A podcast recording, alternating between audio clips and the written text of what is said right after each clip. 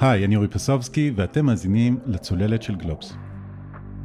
שנת 2022 היא השנה של עליות המחירים. אי אפשר שלא לשים לב לזה. ואנחנו פוגשים את עליות המחירים בכל מיני מקומות. דיברנו כאן בצוללת על ההלם שבו הרבה ישראלים נתקלו מוקדם יותר הקיץ בתחנת הדלק, כשגילו כמה עולה למלא מכל, ודיברנו גם על מחירי השכירות, על הרגע שבו בעל הבית מחליט להקפיץ לכם את שכר הדירה. כולם מדברים על הדברים האלה. אבל יש עוד סוג של עליות מחירים שהרבה פחות מורגש. אבל גם אותו אפשר לפגוש, מסתתר על המדף בסופר. שלום לשירה ספיר, כתבת הקמעונאות של גלובס. היי. שירה, מה זה שרינקפלציה? טוב, שרינקפלציה זאת קודם כל העלאת מחיר, אבל זאת העלאת מחיר חכמה, כשהמחיר של מוצר מסוים לא משתנה. זה לא שאני עכשיו אלך למדף בסופר ואני אראה שהחטיף שהילדים שלי לא יכולים בלעדיו פתאום עולה שקל שניים יותר, או השמפו שאני משתמשת בו כבר שנים מתייקר בכמה אחוזים. במקרה של שרינקפלציה, החטיף הזה פתאום יהיה קטן יותר, והאריזה של השמפו גם היא תקטן. אז מדובר פה בהעלאת מחיר סמויה או מוסווית. וכדאי להגיד שזה לא תופעה ישראלית, לא המצאנו פה שום דבר. בשבוע שעבר אה, יש את המילון המקוון האמריקאי, מרים ובסטר, שאפילו הודיע שהוא מוסיף ערך חדש, שרינקפלציה, או shrinkflation, שזה השילוב של אינפלציה ו shrink, להתכווץ. וההגדרה שלהם היא ששרינקפלציה היא הפרקטיקה של הפחתת כמות או נפח המוצר לכל יחידה, תוך המשך המכירה שלו באותו מחיר. כשהמחיר של איזשהו מוצר עולה, רובנו נשים לב מיד, אבל כשהמחיר נשאר זהה, אף אחד לא ישים לב אם יש קצת פחות באריזה. בטיקטוק למשל, כשאתה בודק את ההאשטאג shrinkflation, יש נכון להבוקר כמעט 14 מיליון צפיות מרחבי העולם. סתם לדוגמה, יש סרטון שהעלתה בחורה אמריקאית חמודה שמראה כל מיני מוצרים, כל מיני חטיפים ומוצרי פנטן, והיא מסבירה שם שכולם מדברים על אינפלציה, אבל רובנו משלמים אותו דבר כמו קודם. כך אנחנו לפחות חושבים. אבל אם תסתכלו מקרוב, תגלו שהמחירים אולי נשארים אותו דבר, אבל האריזות נעשות קטנות יותר.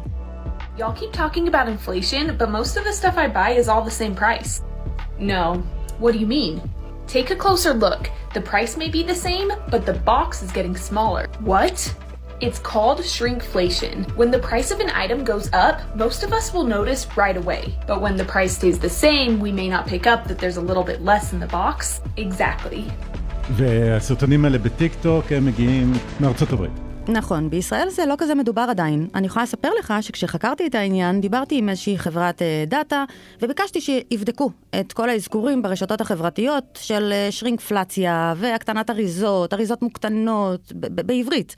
אה, ובסוף הם אמרו שבארץ אין על זה עדיין מספיק שיח כדי לספק נתונים, בניגוד למה שקורה בטיקטוק במדינות אחרות. אז ברשתות אפשר אולי פחות למצוא התייחסויות לזה, אבל בואי נדבר על מה שקורה בתכלס בשטח. לאחרונה את יצאת לסוג של מסע קטן בחנויות בעקבות השרינקפלציה? כן, יצאתי למסע בסופרים ובמכולות, ויש די ויותר דוגמאות על המדפים. כל מיני אריזות קורנפלקס שכתוב עליהן שהכמות הופחתה, זה 450 גרם במקום 500 גרם וכאלה.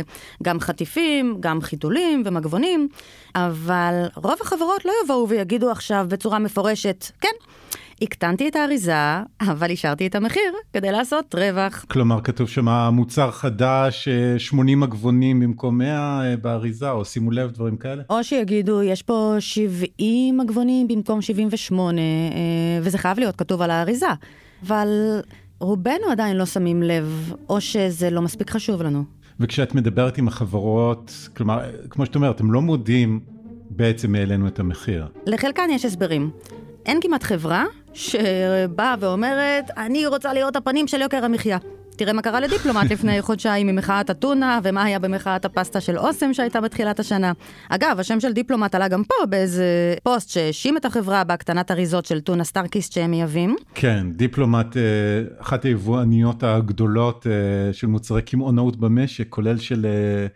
אה, סטארקיסט, אז מה הם אומרים נגיד על אה, הקטנת האריזות של אה, סטארקיסט, שאפשר היה באמת למצוא תלונות על זה? אה, הם הסבירו שהם לא הקטינו את המוצר הספציפי מ-160 גרם ל-120 גרם, תוך כדי שהם משאירים את רמת המחיר הנוכחית, אלא הוציאו בנוסף ל-160 גרם מוצר חדש, קטן יותר, שגם נמכר לקמעונאי במחיר זול יותר בהתאמה. ואגב, אני גם דיברתי עם קמעונאים, זה באמת נכון, כשדיפלומט מוכרת להם את המוצר, אז הם באמת קונים אותו במחיר זול יותר בהתאמה, וכך הם גם משווקים אותו לצרכנים. אז פה לא באמת מדובר בשרינפלציה. אוקיי, okay, אז יש פה שני דברים שאולי נחזור אליהם ככה אה, בהמשך. כלומר, א', יש את הפער הזה שאפשר לשחק בו בין העובדה שיש אה, יצרן ויש קמעונאי, ולא ברור אה, מי מהשניים העלה את המחיר, וגם יש כל נסיבות לפעמים לזה שמגדילים אריזות, אבל כמו שאת אומרת, זה לא שכאילו מישהו יגיד, כן, הקטנתי את האריזה. כדי להעלות את המחיר בעצם, אז אפשר לקחת את הדוגמאות האלה כל אחד לאן שהוא רוצה בעצם. נכון. ומה ההיגיון בעצם אה, מאחורי הרעיון הזה של אה, שרינקפלציה? כלומר, למה לא להעלות מחירים וזהו? תראה, יש פה איזושהי תופעה של הקטנת אריזות, שמאחוריה יש קודם כל בסיס כלכלי. האינפלציה, עלויות הייצור הגבוהות, אה, שינויים במחירי חומרי הגלם ושרשרת האספקה. אלו נתונים שמאוד מטרידים את היצרניות. עכשיו, מצד אחד, הן לא רוצות להיות אלה שחתומות על העלייה ביוקר המחיה, ואז הן גם הופכות למטרה לחיצי הצרכנים, להסתדרות ולממשלה. מהצד השני, הן כן נאלצות לבצע התאמות לאיזושהי מציאות חדשה, כי הן רוצות לשמור על רמת רווחיות דומה. כי בעצם חומרי הגלם שלהם, ואולי לפעמים המשכורות אה, עולים, אז העלויות עבורן עולות, ואם הם לא היו לו מחירים, אז זה ישחוק להם את הרווחיות. בוודאי, וצריך לזכור שגם לספקים האלה יש ספקים משלהם, שגם הם משתמשים בחומרי גלם, שגם הם התייקרו, וגם ההובלה שלהם התייקרה. כלומר, כמו מין מעגל קסמים כזה. נכון, והפתרון שחלק מהן מצאו, הוא להקטין את גודל המוצר. אוקיי, אז בעצם אה, בבסיס של זה יש את הפחד אה, לא להעלות מחירים באופן מפורש. מדהים כמה שתי המילים האלה, להעלות מחירים, העלאת מחירים, מפחיד את הקמעונאים. בכל מיני שיחות ועידה שיצא לי לעשות עם קמעונאים, הם מאוד לא אוהבים שאני שואלת אותם אה, שאלות על העלאות מחירים אפשריות. אז בדרך כלל הם אומרים שהם לא מתייחסים לשאלות על המחירים, שזה בתכלס מה שהכי מעניין את הצרכן. אז אני מבינה שיש פה המון המון גורמים כלכליים מבחינת החברות. כמו שאמרתי, הן רוצות לשמור על הרווחיות, ואם הן לא יעלו מחירים, אז בהכרח הרווח שלהן יקטן, אה, בהתחשב בכל ההתייקרויות שהזכרנו קודם. אבל עם כל אלו, גם הצרכן נאלץ להתמודד. אז הנה שוב מעגל הקסמים, שבו בעיקר החלש הוא זה שנפגע בסוף. ומי זה החלש? הצרכן. אני כן רוצה להזכיר את הדוחות הכספיים של הרבעון השני של השנה, שלא הייתה שם כמעט חברה שלא התייחסה לשיבושים בשרשרת האספקה הגלובלית ולהתייקרויות של השילוח וההובלה הימית ומחסור עולמי במוצרי מזון, התייקרויות וגז ודלק וחשמל. וכל אלה כן הביאו לעליות חדות בשיעורי האינפלציה בעולם, מה שהוביל לעליות מחירים בכל מקום. אז כמו שאת אומרת, גם היצרנים uh, סובלים מעליות מחירים uh, מכיוון הספקים שלהם, אבל להבדיל מאיתנו, הם יכולות לגלגל את uh, עליות המחירים האלה הלאה, והן מגלגלות אותם אל הצרכן. כשבעצם הרעיון הוא שאנחנו משלמים את אותו מחיר ומקבלים פחות, כך שבעצם זה עולה לנו יותר, אבל בכתבה שפרסמת בגלובס על השרינקפלציה, את בעצם... Uh, מנסה להגדיר מי נפגע מהסוג הזה של עליות המחירים. וזה לא בדיוק כל הצרכנים. מדובר בעיקר באנשים שקונים uh, מותגים, אלה אנשים ממעמד הביניים. דיברתי עם uh, אורי ברודסקי, הוא פרסומאי ומומחה לשיווק במכללה האקדמית נתניה, והוא uh, נתן כל מיני דוגמאות נורא נורא מעניינות. באחת מהן הוא נתן לדוגמה הורים שקונים מוצרים שקשורים לילדים, שזו איזושהי נקודת תורפה. Uh, למשל, uh, אם עכשיו אני אימא ויש uh, סוג של מגבונים, בלי אלכוהול, בלי ריח, בלי חומרים משמרים, ואני רגילה להשתמש בהם uh, כדי לנקות את התינוק, אפילו אם פתאום יהיו קצת פחות מגבונים, אני לא ארוץ עכשיו להחליף uh, מותג ולהתחיל להסתבך עם זה. צרכנים לא ממהרים לשנות הרגלי קנייה. תראי את המדבקות של השומן והסוכר, זה שינה משהו? אולי במשקאות. בסופו של דבר, הציבור מעדיף את הרגלי הקנייה שלו על פני קנייה חכמה. הוא לא ישנה את צריכת הקורנפלקס שלו, וזה נכון בעיקר לגבי ילדים שרגילים למותגים מסוימים. הורים עושים את החישוב שאם ישנו משהו והילד לא יהיה מוכן לאכול, הם יצטרכו לזרוק את המוצר, וזה הרבה יותר יקר מתוספת של שקל. הוא כן עושה הבדלה בין המגבונים האלה למגבונים לניקיון של השיש במטבח למשל. ששם, אם אני אראה שהקטינו את המוצר ופתאום יש פחות מגבונים, לא תהיה לי פה איזושהי נאמנות מסוימת. אני כנראה כן אחליט להחליף מוצר. אם האינפלציה תעלה עוד, אנשים יקנו פחות, אבל זה לא הקהל שחברות הענק מכוונות אליו. מי שאין לו כסף, לא יקנה בכל מקרה. הן מכוונות לשכבת האמצע, שגם אם יהיה מגבון פחות בחבילת המגבונים לתינוק, לא יחליפו במותג אחר. כלומר, מי שיכול להרשות לעצמו אה, לעשות שרינקפלציה ופתאום להקטין לנו את המוצר, זה צריך להיות, אה, אם אני מבין אותך נכון, במקרים מסוימים אה, מותגים שיש להם כוח מסוים, כלומר כאלה שלא נמר להחליף אותם, או שלא נלך להתכסח עם הילד שלנו ולבקש ממנו לאכול קורנפלקס חדש, כי אנחנו מפחדים שאולי הוא לא יסכים לאכול, זה צריך להיות uh, מוצרים או מותגים שיש להם כוח מסוים. אתה יודע מה, אולי זה גם מסביר חלק גדול מהכעס, לפחות uh, זה שאנחנו נתקלים בו uh, מרחבי העולם. כשאנחנו מאוד רגילים למוצרים מסוימים ומאוד אוהבים אותם ומאוד נאמנים אליהם, אני חושבת שזה גם סוג של חוויה של בגידה אולי אפילו. אני רגיל למוצר, הילדים שלי לא יכולים בלעדיו, ואנחנו סוג של קהל שבוי. זה לא שבאים ואומרים לי, העליתי לך את המחיר. זה סוג של הסוואה, אה, משהו סמוי יותר, כך שזה יכול גם להתקבל בצורה עוד יותר מרגיזה. אבל אנחנו קהל שבוי. זהו, בנוסף לזה, כמו שאת מזכירה בכתבה, יכול להיות שלא נשים לב, כי העניין הוא ש, שכשאנחנו עושים קניות, אז החשבון הסופי לא ישתנה, כי המחיר לא ישתנה, כמו שאחד המרואיינים שלך אומר, המחיר הסופי בקופה לא עולה, בכרטיס האשראי יהיה כתוב אותו דבר, אתה מקבל אולי פחות, אבל סל הקנייה בסופר, או במשלוח מהסופר, סל הקנייה הוא נשאר אותו דבר. תראה, זה, זה, זה מאוד נכון. אז כשאתה בקופה, אתה לא מרגיש את זה. אבל בחלק מהמקרים, דווקא כשאתה מגיע הביתה, ואתה מתרווח בערב על הספה, ואתה רוצה להתפנק קצת, אתה פותח את אריזת החטיף שלך, ואז אתה מגלה המון אוויר בפנים. אבי זיתן, שהוא מומחה שיווק ואסטרטגיה שהתראיין גם מול הכתבה, הסביר לי שכשהעין רגילה לקנות את המוצרים האלו, היד נמשכת לאריזה המוכרת, והיא לא ממש קולטת את השינוי. והוא מספר גם שלפני שנה-שנתיים ראינו תופעה, ששקיות של חטיפים התנפחו באוויר. היצרניות פשוט לקחו שקית, מילאו אותה באוויר, ואז זה נראה מלא.